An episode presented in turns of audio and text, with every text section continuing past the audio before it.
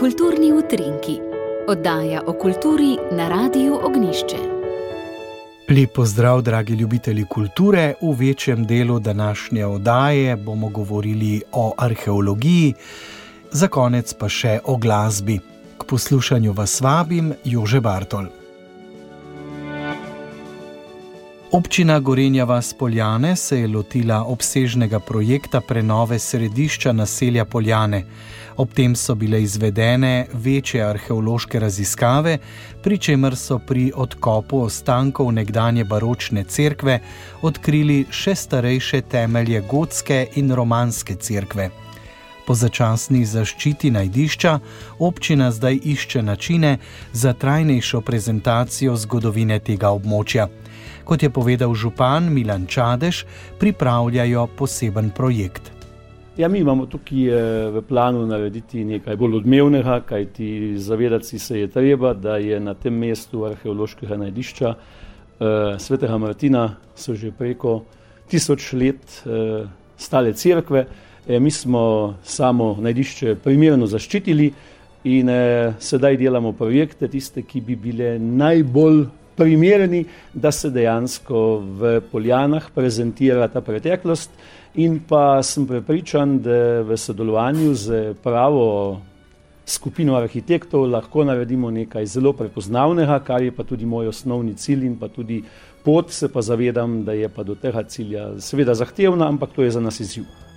To je bil župan občine Gorenja Vas Poljane Milan Čadež. Vodja izkopavanj Mija Ogrin je izpostavila, da je prav, da se najdbe prezentirajo v prostoru, kjer so bile izkopane. Možnosti predstavitve so velike, vključno z vizualizacijo in digitalno postavitvijo. Jaz mislim, da je to ena redkih občin, oziroma bi bila lahko kar ena vzorna občina, kjer je res posluh za kulturno dediščino, kjer um, se zavedajo svoje identitete ne, svoji pravijo, mi smo poljanci, recimo v Poljanah, ko smo bili eno leto uh, in je res močna ta uh, prisotnost, ta identiteta. Je pa tudi po, po občinah, ki se ukvarjajo s turizmom, zdaj spoznavajo, da uh, turizem bo dosegel višjo raven, oziroma turi, tisti, ki se ukvarjajo s turizmom, tudi v Bohinju, a ne višji nivo, če se vključuje dediščina, kvalitetno predstavljena dediščina, kar pa je potrebno tudi dolgotrajni procesi, ni kar tako, da tudi mi nekaj predstavimo, naredimo, da je treba prav, najprej izkopati kvalitetno, proučiti. Eh, in potem tudi interpretirati na različne načine, kar imamo danes ogromno možnosti. Od klasičnih postavitev v muzejih, do vizualizacije, do interneta. Tako da mislim, da je ogromno tukaj možnosti. Tako vodja izkopavanj v občini Gorenja Vaspoljane Mija Ogrin. Zdaj pa v celje, v pritličju knežjega dvora, si je mogoče ogledati arheološko razstavo Ljubija zaklad pod skalo. Na razstavi Pokrajinskega muzeja Celje so na ogled bronasti novci in železno orodje iz pozno-rimskega obdobja. Po besedah avtorice postavitve Maje Bausovec je razstava majhna, a vsebinsko pomembna, saj so razstavljene izjemne najdbe.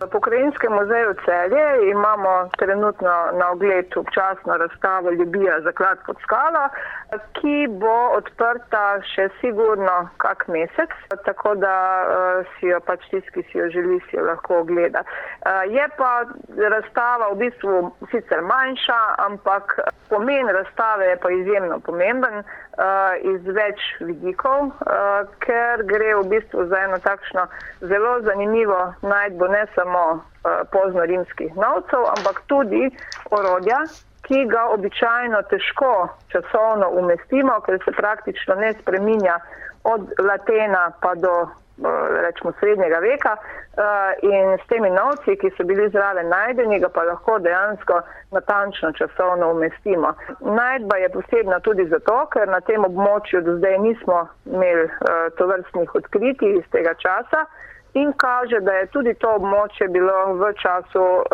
rečemo, pozne antike, oziroma pozno rimskem obdobju naseljeno. Zdaj, kdo so bili prebivalci, verjetno neko pač kmečko prebivalstvo, ki je živelo ali v vilah ali v vaseh, ukvarjali so se pač predvsem z obdelavo zemlje. S tem, da ta, ki je ta zaklad zakopal, se je verjetno ukvarjal z obdelavo lesa. To je bila avtorica razstave Ljubija zaklad pod skalo Maja Bausovec. Razstavljenih je 65 kovancev, od katerih jih je 25 v muzej prinesel najditelj Aljaš Lednik, ki se je lotil kopanja jame blizu domačije svoje babice v Ljubiji zaradi njenega pričevanja in legende, da naj bi bil v jami skrit zaklad. No, 40 novcev pa so odkrili pri nadaljnih arheoloških raziskavah jame. Za konec pa še v glasbi.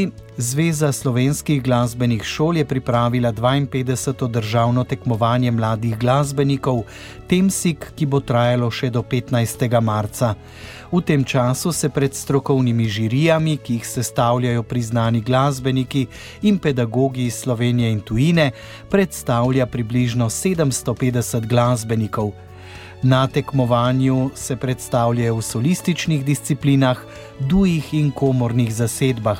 Izbrani prvonagrajenci pa bodo nastopili na zaključnem koncertu, ki bo 21. marca v dvorani Julija Beteta v novih prostorih Akademije za glasbo Univerze v Ljubljani v Kazini, kjer bodo podelili tudi odličja in posebne nagrade.